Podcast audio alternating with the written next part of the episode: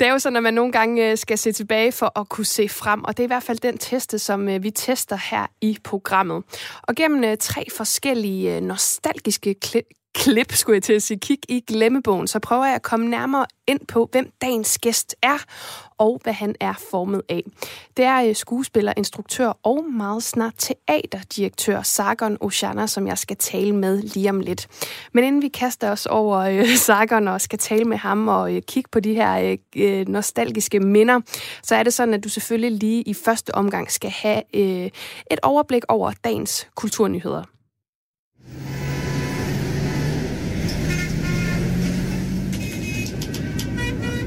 And just like that,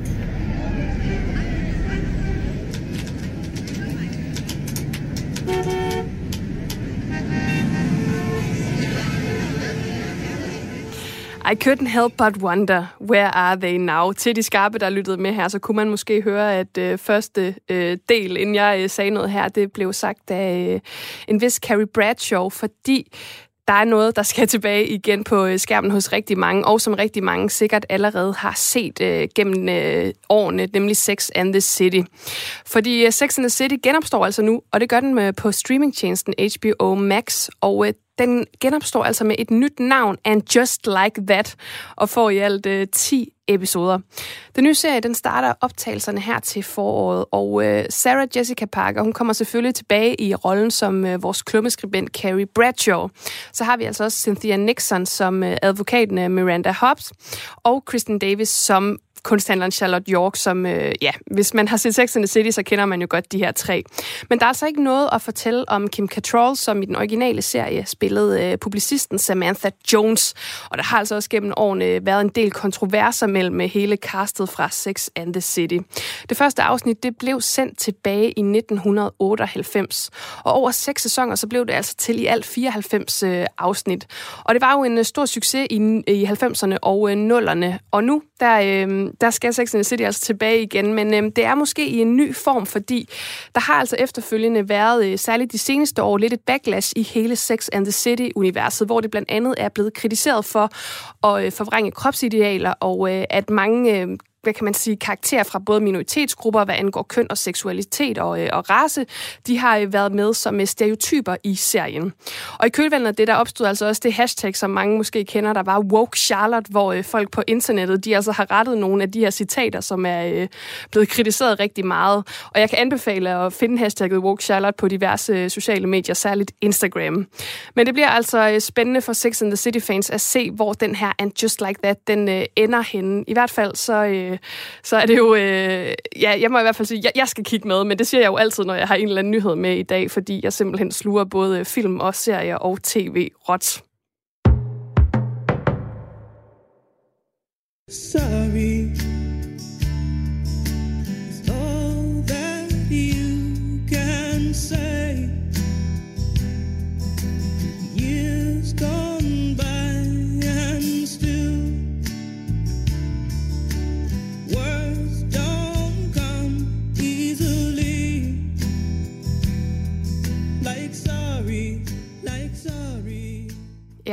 sorry. Det er ikke øh, helt det eneste, Nicki Minaj hun kan sige for at have brugt en del af Tracy Chapmans hit Baby Can I Hold You uh, Tonight. Skulle jeg til at sige i en af hendes sange. Hold kæft, jeg sluder i dag. Men det er mandag, og jeg plejer jo at sige, når det går lidt skidt i studiet, at det er en eller anden dag på en mandag, men i dag kan jeg sige, det er mandag på en mandag.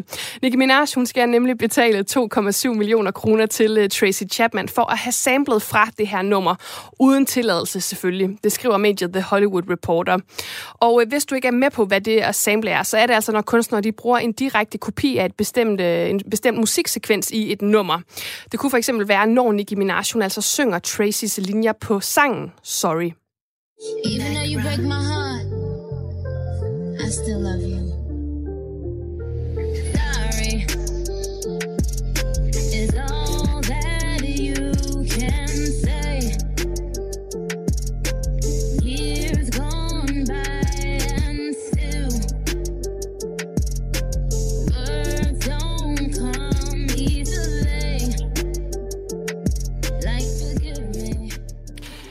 Ja, og man må altså gerne sample, hvis man får lov af den originale kunstner. Og ifølge nogle retsdokumenter, så skulle Nicki Minaj hold altså af flere omgange have kontaktet Tracy Chapman for at få lov, men der blev altså sagt nej hver gang.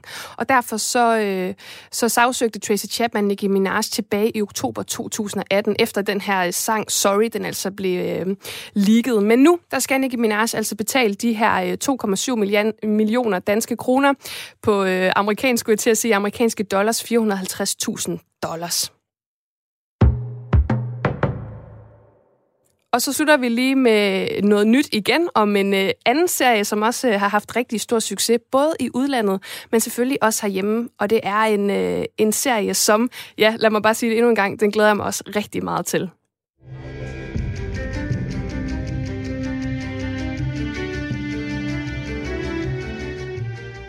For DR, de kunne altså i april sidste år fortælle, at øh, den her hitserie om det politiske magtspil i Danmark, Born, vender tilbage med både politikeren Birgitte Nyborg og journalisten Katrine Fønsmark. Og det er selvfølgelig Sisse Babette Knudsen og Birgitte Hjort Sørensen i hovedrollerne.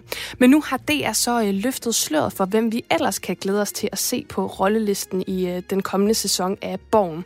Søren Malling han vender tilbage igen som Torben Fris. Katrines chef øh, ude på øh, DR1, skulle jeg til at sige, det er i hvert fald ikke, det er TV1. det må man nemlig ikke, ved jeg. Så har vi også Lars Knudsen som øh, uh, Ben Sejerø, og øh, selvfølgelig også Birgittes politiske mentor.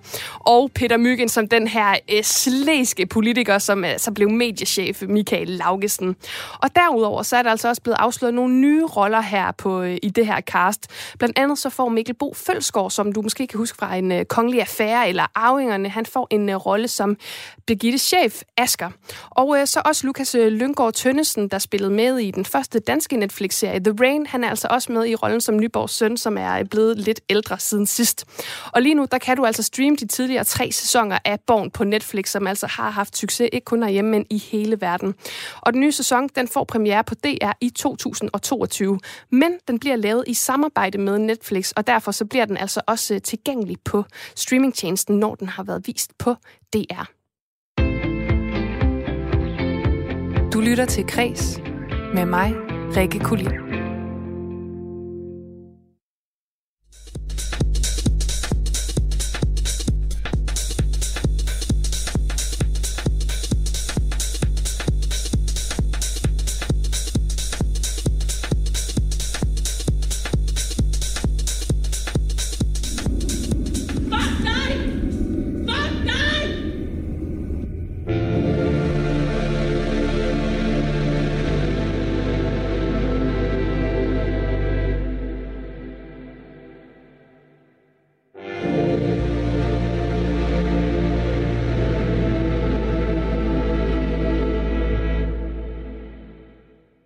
Har fået unge mennesker til at gå i teatret.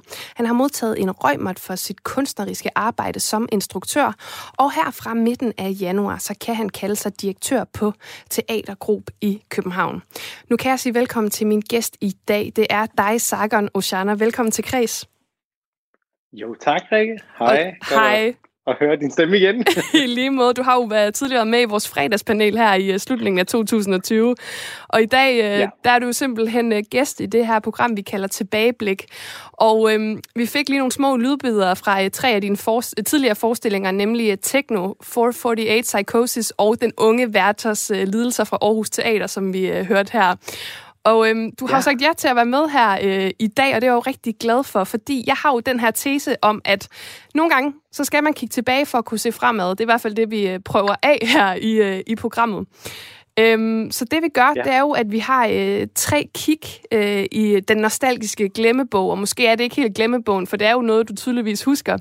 Men øh, det skal vi komme lidt nærmere ind på, for at finde ud af, hvad det er, øh, du er rundet af, og hvad der har formet dig. Og så på den måde, så kommer vi forhåbentlig også hen til i slutningen af programmet, hvor du gerne vil bevæge dig hen øh, i det nye år.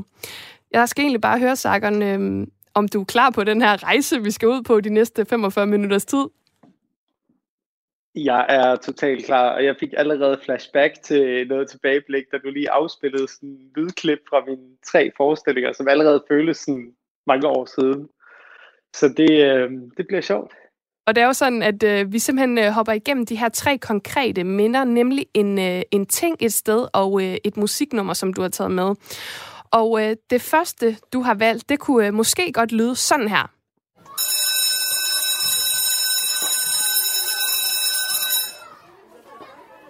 Hvis man øh, sidder og tænker, hvad er det for et sted?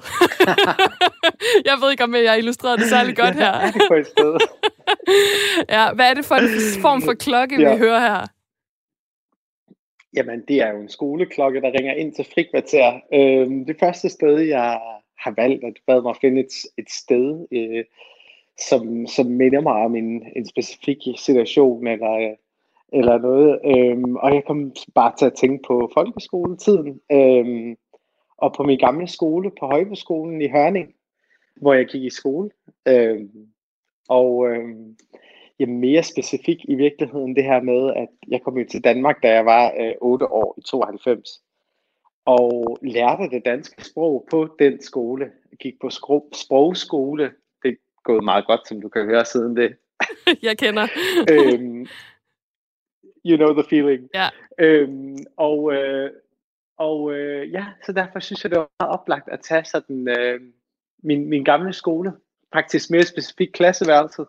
Ja, og lad os øh, starte med det. Altså, når du tænker tilbage på det her klasseværelse, kan du så huske, hvordan der så ud derinde? Var det sådan et, et typisk dansk klasseværelse, eller, eller var der ligesom noget, som adskilte det lidt fra øh, det, man ellers husker?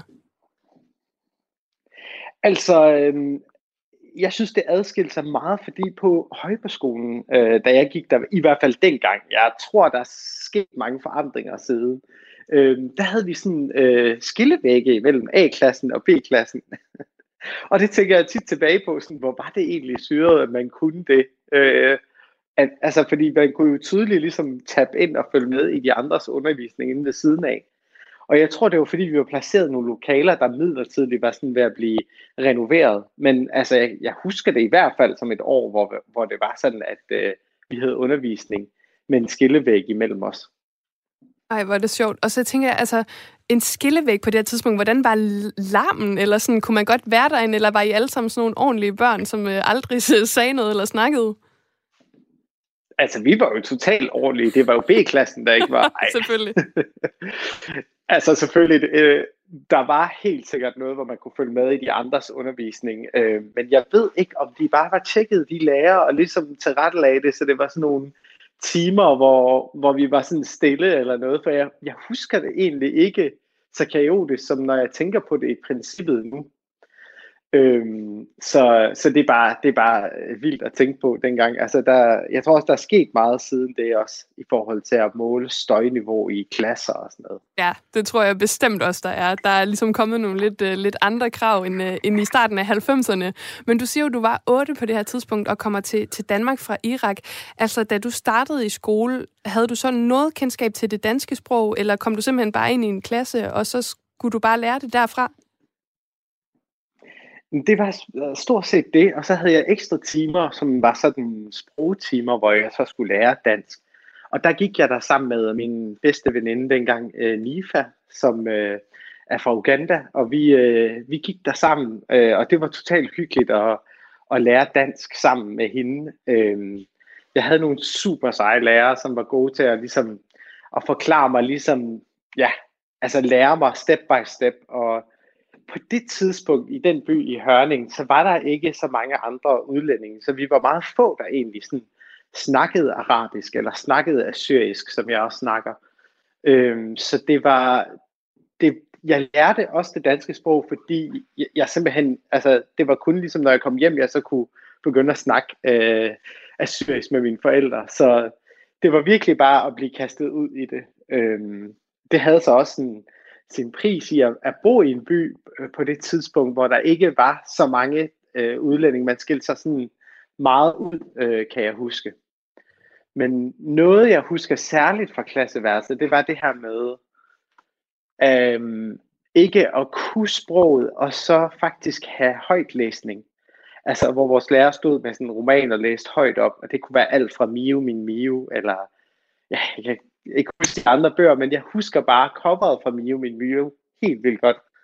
Øhm, og det her med sådan at sidde i en time og egentlig ikke forstå sproget, men ligesom kigge på, at de andre sidder og kigger helt opmærksom. Der tror jeg, jeg tog mig selv nogle gange i at lade som om, at jeg forstod, hvad der blev sagt, fordi så var man ligesom en del af de andre. Ja, Øhm, hvad så med, nu tænker jeg, altså Miu Min Miu, det er jo en ret ikonisk børnebog, og på det her tidspunkt har du så ikke forstået noget af den. Er det sådan, at du har du vendt tilbage til den senere, og sådan, du ved, lært historien at kende, for det er jo en virkelig, virkelig fin historie.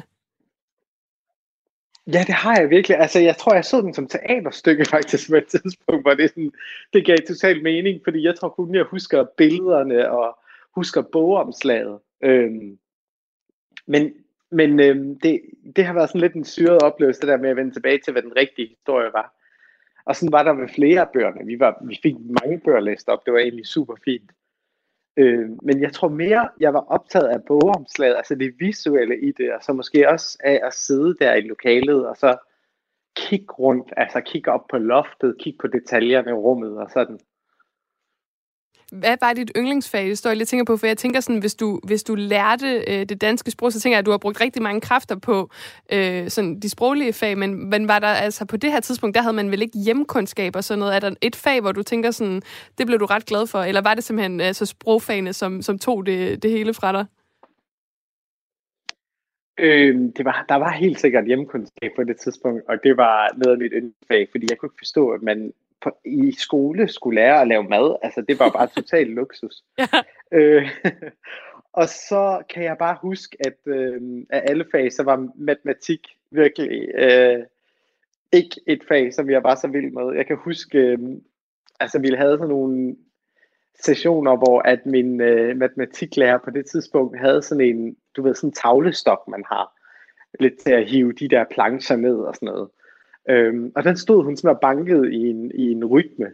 Og så skulle man tage den sådan rundt i hesteskoen øh, i klasseværelset. Så skulle man ligesom gennemgå tabellen sådan 7, 9, 13. Altså, øh, så der kan du bare høre, hvor godt det gik med 7-tabellen for mig der, ikke? Øh, super fedt. Øh, nej, men, og, og der kan jeg bare huske sådan, øh, 7, 14, og sådan, det kom længere og længere ned mod mig, og så skulle huske det, at sådan, og det hele stoppede jo op, når det sådan kom til ens tur. Ja. Så den, den del synes jeg næsten var værre end for eksempel ikke at snakke øh, dansk øh, rigtigt. Ja. Jeg kan huske på et tidspunkt, at det sådan, at der var havl, og jeg havde aldrig set havl før. Øh, og, og så løb jeg bare ind i klasse, klasselokalet og råbte, det halmer, det halmer. Øh, fordi jeg havde troet, at det var det, det betød.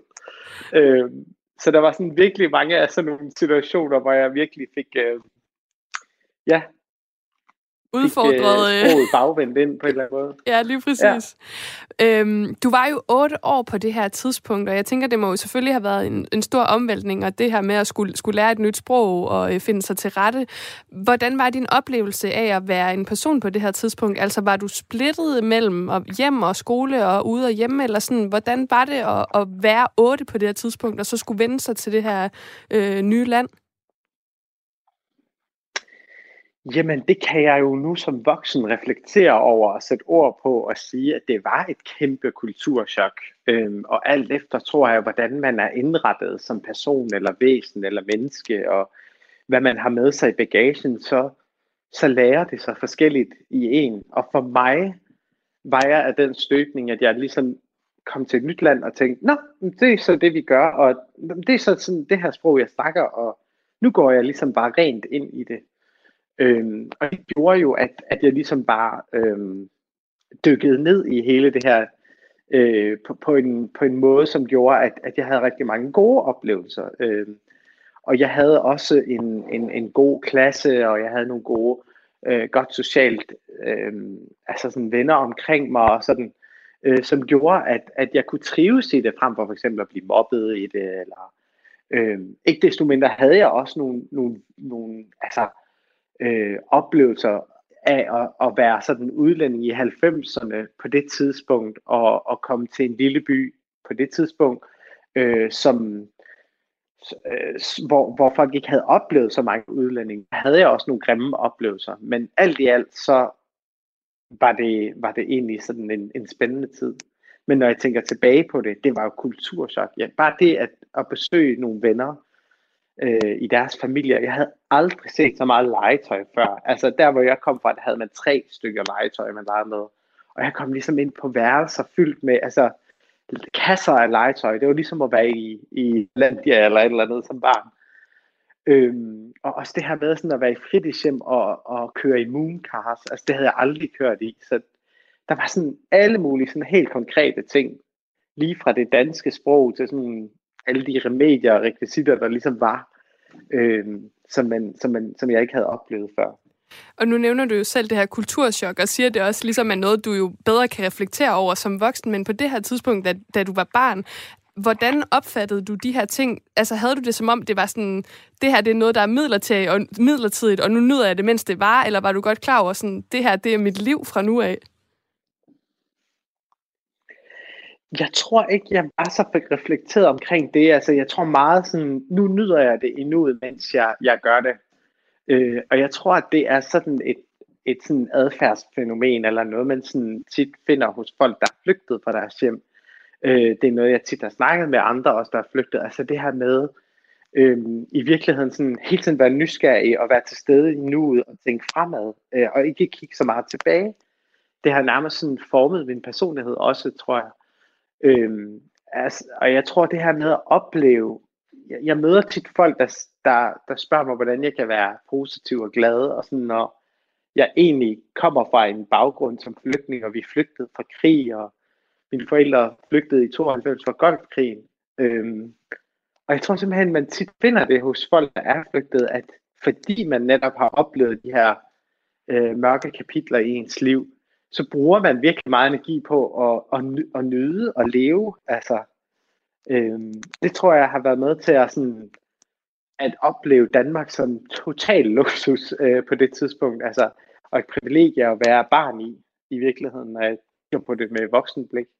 Og noget, jeg også lægger mærke til, det er jo, fordi du er jo øh, instruktør og arbejder også lige nu på opsætningen øh, Vita Danica på Aarhus Teater, som jo handler om den danske folkesjæl, ja. og som vi også øh, tog os af i sidste uge i kreds i torsdags.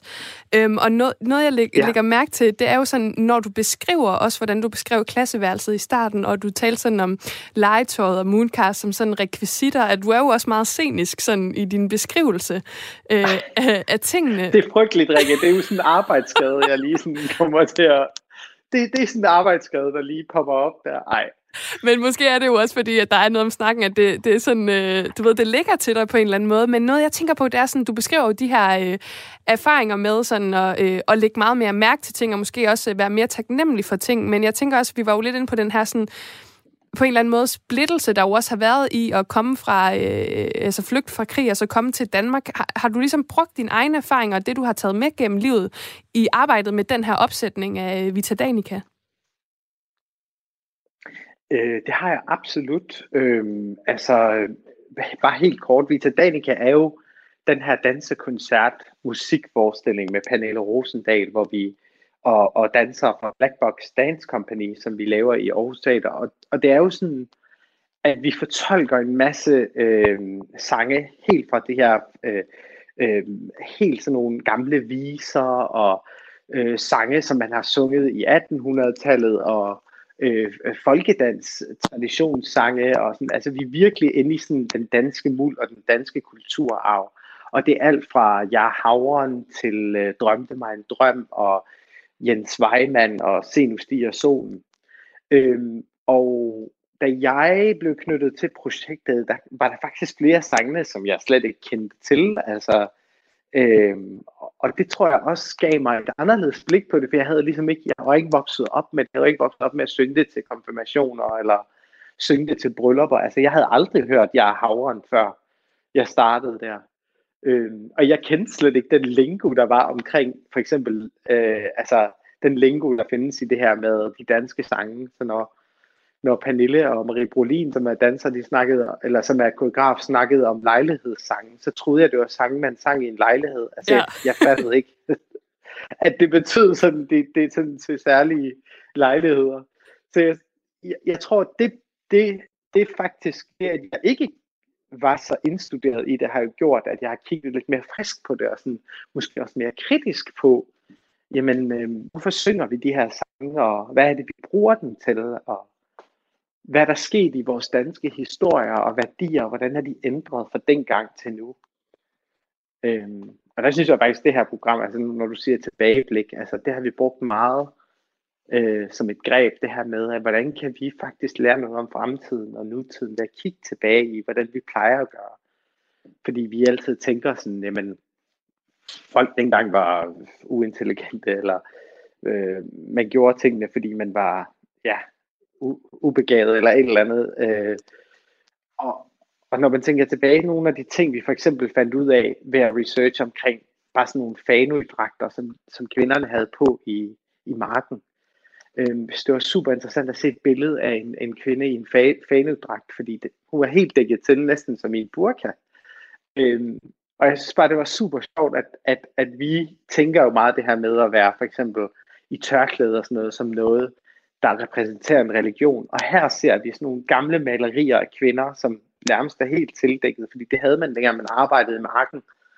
Øhm, og det er jo sindssygt spændende at kigge tilbage på den der måde, og så sådan se det i et nyt lys. Fordi noget af det ligner øh, kvinder, som er danske, som er etniske i dag, men det kan også næsten tolkes som et mundbind, de har på, så vi har sådan virkelig været sådan, ja, begejstret over at, at kigge på det på den her måde. Jamen, det er jo vildt interessant også det her med, at du siger sådan, at øh, der er faktisk, altså der er ret meget, vi kan øh, både lære, men der er også rigtig meget, vi kan lære af øh, øh, hvad skal man sige, og, og huske på, at, øh, at vi ikke er øh, unikke. Altså, jeg tænker sådan det her med, at, øh, øh hvad hedder det, øh, de her, øh, hvad hedder det, fanødragter, ja. det var dem, det, du snakkede om der. Øh, det er jo, altså, ja.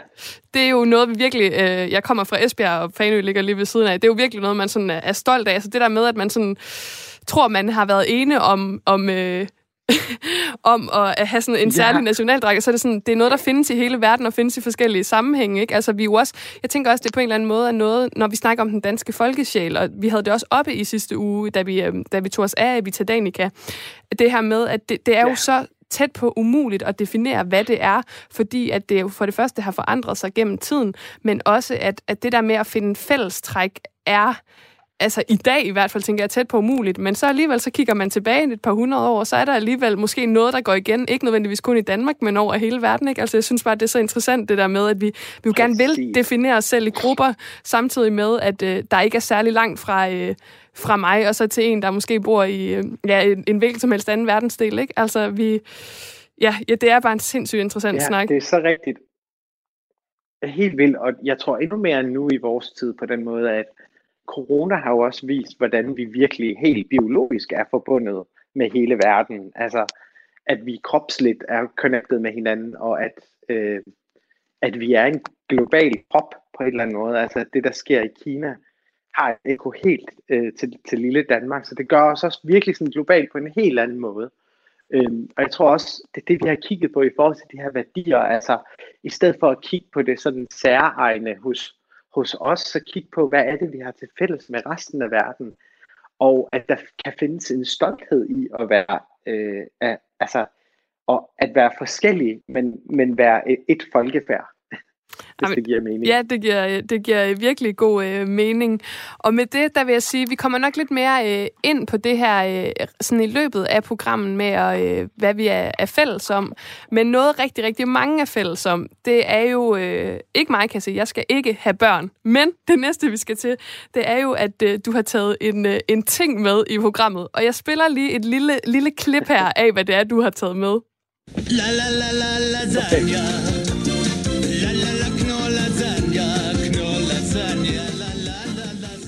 Ja, altså, når, man tænker, når jeg siger børn og lasagne, øh, så kan det godt være, at lytterne måske lige sidder og tænker, hvad pokker handler det her om? Men hvad er det for en ting, du, øh, du har taget med i dag i, øh, i det her til program Tilbageblik?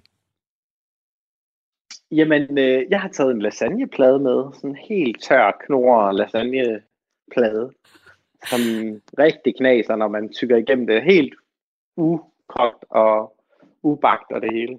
Ja, og det er noget, alle har prøvet. Alle har prøvet på et tidspunkt at tage en bid af sådan en, fordi man lige skulle prøve, hvordan det var, når den ikke var øh, kogt eller havde været i ovnen.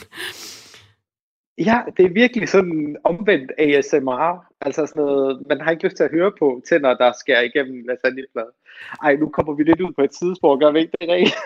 jo, det, det gør vi, men jeg startede jo med at sige, at øh, vi skulle til at tale lidt om øh, noget, der er fælles for mange, nemlig det at få børn.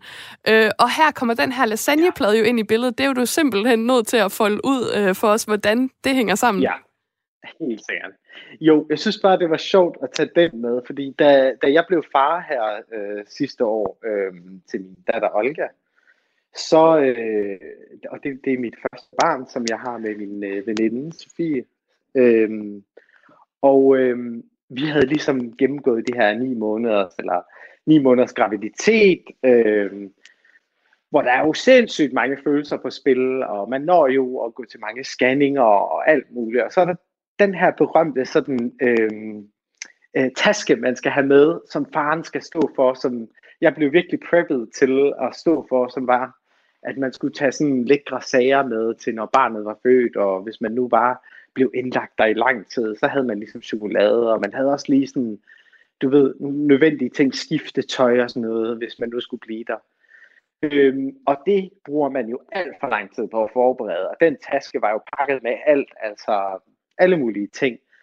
Og så, øh, da jeg får det her opkald om, at øh, da Sofie går i vejr, og hun, og hun ringer til mig øh, klokken 5 om morgenen, og jeg vågner sådan, øh, okay, øh, du er gået i vejr nu, og så skal jeg jo lynhurtigt pakke den taske, øh, og den har jeg jo på en måde pakket, men der går sådan lidt en panik noget i mig. Jeg begynder at pakke og pakke og pakke med alle mulige ekstra ting, udover de ting, jeg har pakket.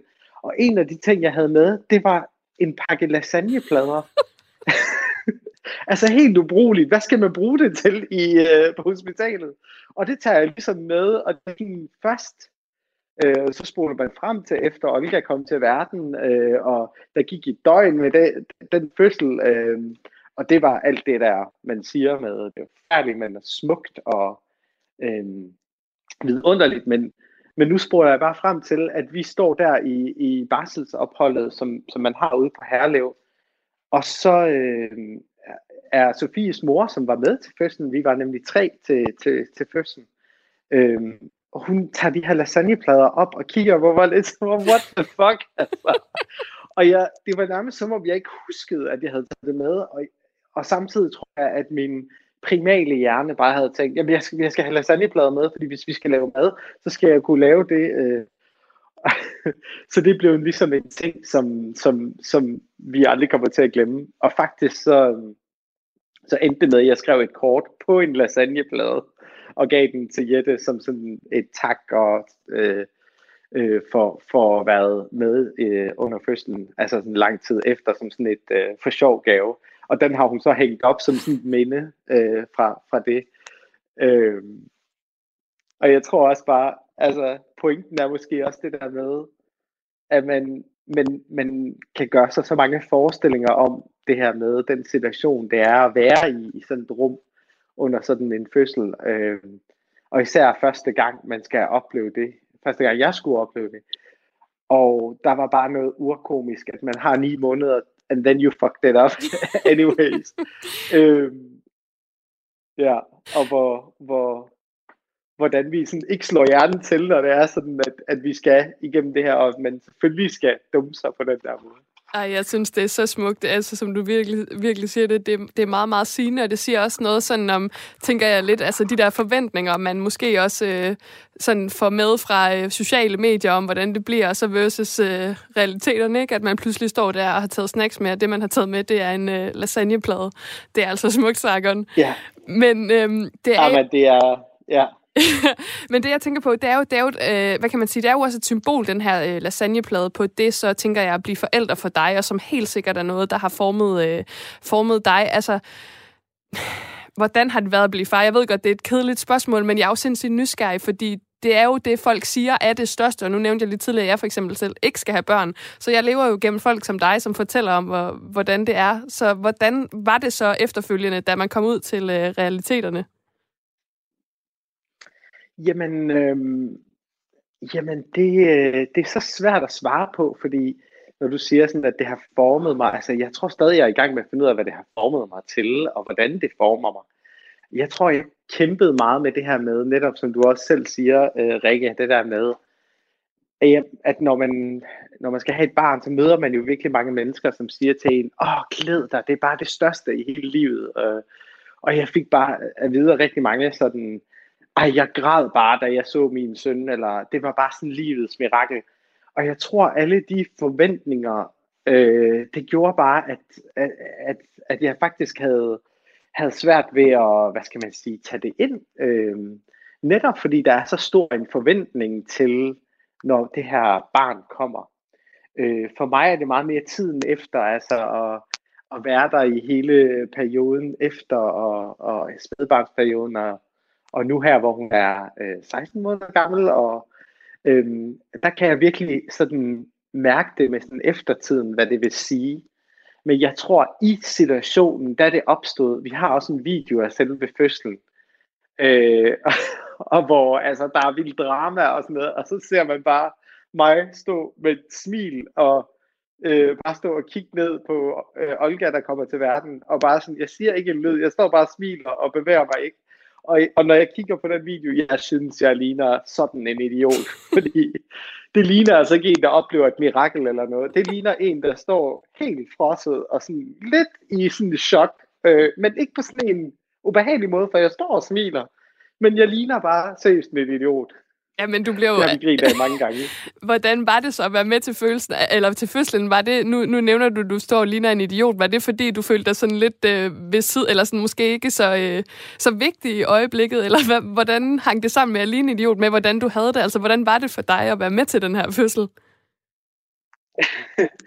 jeg tror, det hænger sammen med, at øh, fordi jeg følte mig vigtig, og jeg følte mig ikke vigtig. Altså, man føler det hele på én gang, fordi det er enormt praktisk det her med at være i sådan et fødselsrum, udover at det er også er galopperende følelsesmæssigt. Men det her med, vi kommer jo ikke rigtig i de her sådan kliniske rum, medmindre vi er kommet til skade eller noget. Så det er sådan en meget speciel situation at stå som tilskuer til, ej, nu sagde jeg igen et teater over, hvor er det træt. at stå som observatør til, i sådan et rum er ret specielt, fordi øhm, at, at det er jo sjældent, at man ligesom ser nogen, man holder virkelig meget af, være igennem så meget smerte. Øhm, og så står man jo også fysisk i vejen for, for den jordmor, der ligesom er der, fordi man ikke kender til rummet, og den, den ligesom, den, den plan, altså det der er ingen, der kender selv jordmoren, og så nogle gange stod jeg og holdt et drop, og nogle gange skulle jeg flytte mig, fordi det skulle ind med et kæmpe stativ med et eller andet apparat. Halløj. Jeg var lige ved at sige rekvisit, men jeg gjorde det ikke. Øhm, og, og på den måde tror jeg, at, at det sådan, øh, er ret specielt, øh, i hvert fald i min rolle, altså, fordi jeg ikke er den, der føder barnet.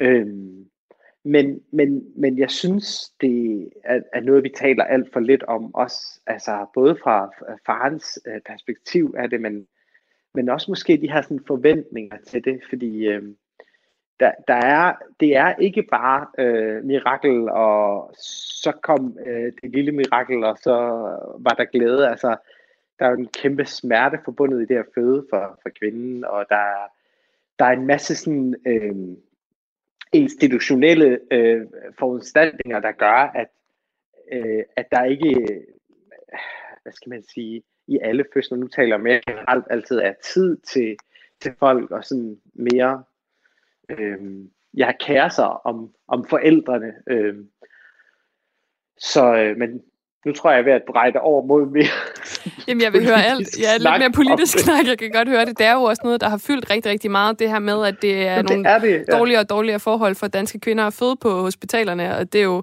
øh, noget, der, ja, jeg godt kan forstå er op til debat, fordi at øh, alle skal have lov til at komme øh, altså, til livet på en øh, ordentlig måde, og også dem, der skal give livet til, til nye mennesker. Så det giver også god mening, at det fylder noget for dig, tænker jeg. Altså, som øh, en, der øh, ikke har været far så forfærdeligt længe, ikke, så har du vel også stadig det tæt på dig, altså fødselsoplevelsen, og hvor sårbart det var, både for øh, din veninde Sofie, som, som fødte, som er moren, og, og som dig, øh, for dig som faren, tænker jeg. Jeg er helt vildt. Jeg synes virkelig, man kan dele det op i sådan forskellige dele. Altså, der er den følelsesmæssige del, som, hvor man er stadig, altså, er stadig i gang med at finde ud af, hvad det vil sige at være far, og hvordan man er det, fordi barnet har så forskellige behov, alt efter hvilket alderstrin det er i. Øh, og øh, det at være forældre er et, er et kæmpe arbejde, øh, og også et kæmpe sådan, øh, praktisk arbejde, som, som, som fylder enormt meget. Alt fra søvn og øh, logistik og så videre, som man, man hørte om. Øhm, og, øhm, og så er der ligesom, ja, den der del, der handler om, om forventningen, som jeg snakkede om før, som, som er specielt, fordi jeg tror, at, øh, at, at det er så forskelligt. Altså, det der med at opleve det som et mirakel, eller øh, det, det kunne jeg måske have lidt svært ved, fordi jeg netop var blevet fyldt af en masse, som i forvejen ligesom sagde, det bliver det vildeste i dit liv. Øhm, og det var det også, men vildt på en, på en anden måde. Altså, jeg husker mange andre ting, øh, som, som fyldte der i rummet, ikke? Mere end momentet lige da, da lille Olga, hun kom til verden. Ja, men det er også, altså, jeg tænker i sådan en situation, nu har jeg jo ikke selv oplevet det, jeg tænker, at det er, øh, der er rigtig, rigtig mange følelser og tanker, og det hele i, i, i spil, altså det er bare sådan en stor øh, pærevælling. Men øh, Sager, nu laver jeg sådan en mm. rigtig øh, radioovergang her, fordi jeg er sikker på, at øh, det her moment, altså da I øh, blev forældre, også var fuld af kærlighed.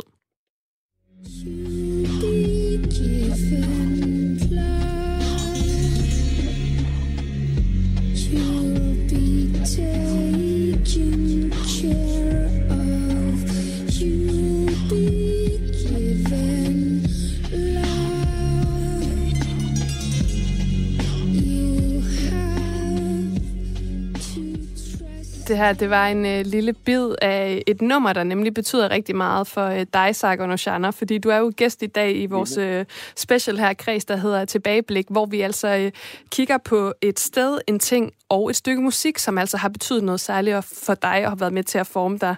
Og det nummer, du har valgt, øh, som ligesom øh, var det, der skulle være med i dag, det var jo øh, Bjørk her med øh, All is uh, Full of Love. Eller all, hvad hedder den? Nu skal jeg lige, all is full of love. Yes. Den hedder All is full of love. Yes. Yeah. Du, ja, som jeg sagde tidligere, det er mandag i dag, og den vil jeg bruge til at gå i graven.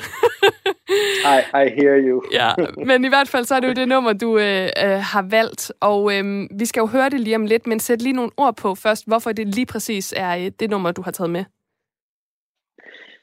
Jeg tog det med, fordi nu forklarer jeg lidt om min øh, sådan helt tidlige øh, år i, i Hørning. Øh, så vil jeg bare spole lidt mere frem til teenageårene, hvor jeg begyndte at høre MTV og se MTV og øh, se VH1. Øh, og for mig, altså jeg tror godt, jeg kan sige, at jeg er lidt sådan et tv-barn. Jeg er lidt sådan vokset op med, at tv'et var tændt, og det vil sige, at jeg var klistret sammen med mine venner til øh, MTV.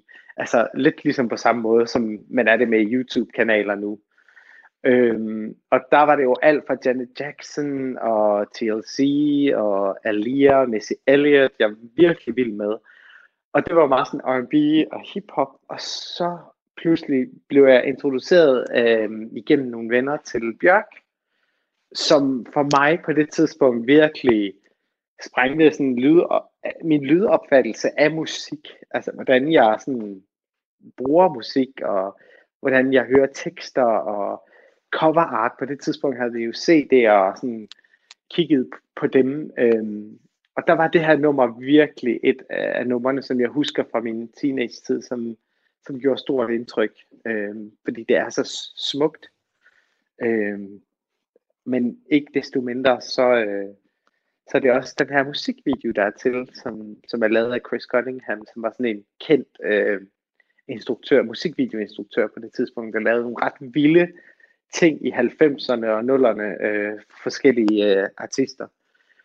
Og musikvideoen til All is Full of Love er det her, sådan, hvor du kommer ind i sådan en maskinefabrik, sådan lidt sci-fi, lidt Westworld-agtigt, hvor du ser to androider blive bygget op og de er sådan kopier af Bjørk, men også sådan lidt robotversioner, så du kan ikke se, om det er en mand eller en kvinde. Og det er lidt ligesom, hvis du har set sådan nogle videoer, hvor de laver biler, altså hvor der er sådan nogle øhm, apparater, sådan nogle robotarme, der sådan skruer på en masse ting, og de skruer så på de her to øh, androider, som er i færd med først at kysse, og så ser man senere, at de faktisk ved at elske. Og jeg tror bare, det var så vildt at opleve det her, at på det tidspunkt som teenager at se noget, der var så sådan, ja, artsy på en eller anden måde, eller noget, der var så vildt, noget, der sprænger både den der opfattelse af køn, men, men også øh, af menneske, ikke menneske. Øhm, og så sidenhen har jeg jo bare elsket Bjørk for alt det, hun står for. Øhm, rent musikalsk, men også sådan hendes visuelle øh, aftryk på, på mange af hendes øh, musikvideoer. Det er noget, jeg har virkelig brugt meget i min i mine forestillinger også. Altså, øh, der er ingen tvivl om, at nu nævner du selv musikvideoen her. Det er en af de øh, smukkeste og vildeste musikvideoer nogensinde, og øh, den kan man gå ind og se bagefter, når man øh, har lyttet til det her nummer. Så kan man lige se den også, og så få nummeret igen, fordi jeg tænker, at vi lige skal høre det her Bjørk-nummer, øh, All is Full ja. of Love, og så vender vi tilbage på den anden side af det.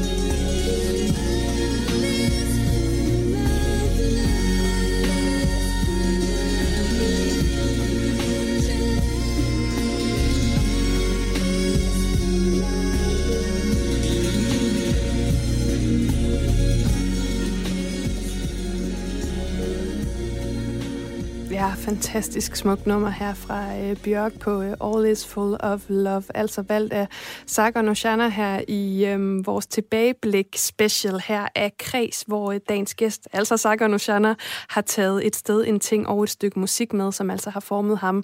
Og det blev altså det her nummer. Sager, hvordan var det at, at lytte til det nu?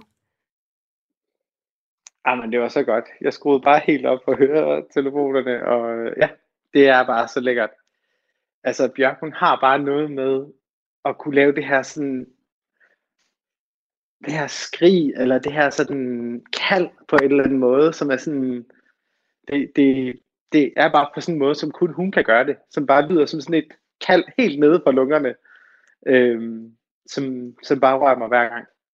Altså nu nævnte du jo tidligere, at du sådan, øh, finder meget inspiration i Bjørk, og måden hun gør øh, tingene på. Er det noget, man også har kunne se i, i dine stykker? Altså jeg tænker for eksempel, at du har meget sådan, øh, tit noget sådan ekstremt øh, ekspressivt på spil, og det kan også være rigtig, rigtig mørkt, og Bjørk, hun øh, rummer jo virkelig også de her øh, sider. Altså har du sådan direkte haft inspiration til hende, når øh, du har lavet dine stykker? Ja, det har jeg. Altså noget, som jeg virkelig beundrer Bjørk for, det er det her mod, som hun har, som hun tager med sig i alt, hvad hun laver. Altså øhm, mod til at skille sig ud fra, hvordan en, en kvinde skal se ud, om det overhovedet skal være et køn. Altså, hun kan jo nogle gange se sådan helt animalsk ud på noget, i noget af hendes outfits og hendes, i hendes musikvideoer. Altså, at hun springer det spektre ved at kigge på sådan altså hvordan vi som mennesker også består af, af celler og af biologi og hun har lavet et helt album, der bare består af lyde, som, hvor de ikke bruger instrumenter. Øh, I mange af hendes musikvideoer, der er hun, altså, der er det sådan det her deforme, eller det abstrakte, eller rituelle, der ligesom går igen. Øh, og det synes jeg er noget, som jeg kan i hvert fald bruge i teateret, det er det, jeg sådan, det udtryk, jeg sådan tit leder efter i de spillere, jeg arbejder med, det her med at skabe, øh, hvad hedder det, skubbe til opfattelsen af, hvad der er øh, rigtigt, eller pænt, eller øh, noget, som, som ser naturligt ud, men sådan forvrænge det billede for at give os netop en nærmere forståelse af, hvad vi også er, og ikke kun, hvad vi bliver defineret igennem, som igennem vores kultur eller vores øh, samfund. Og jeg må i hvert fald sige, altså jeg er jo, øh, og det tror jeg også, lytterne er jo blevet noget klogere på dig, og også kommet tættere ind på livet af dig i dag, fordi vi har jo været forbi øh, Højboskolen i, på, i klasseværelset her, lidt uden for Hørning, og så har vi øh, været forbi øh, fødegangen, hvor der var øh, en lasagneplade med ude øh, på, øh, på hospitalet, og så har vi altså lyttet til øh, Bjørk og øh, All is Full of Love fra øh, Homogenic her, som øh, du jo har taget med. Og nu har vi jo ligesom rundet de her ting, og vi har set lidt tilbage i dag.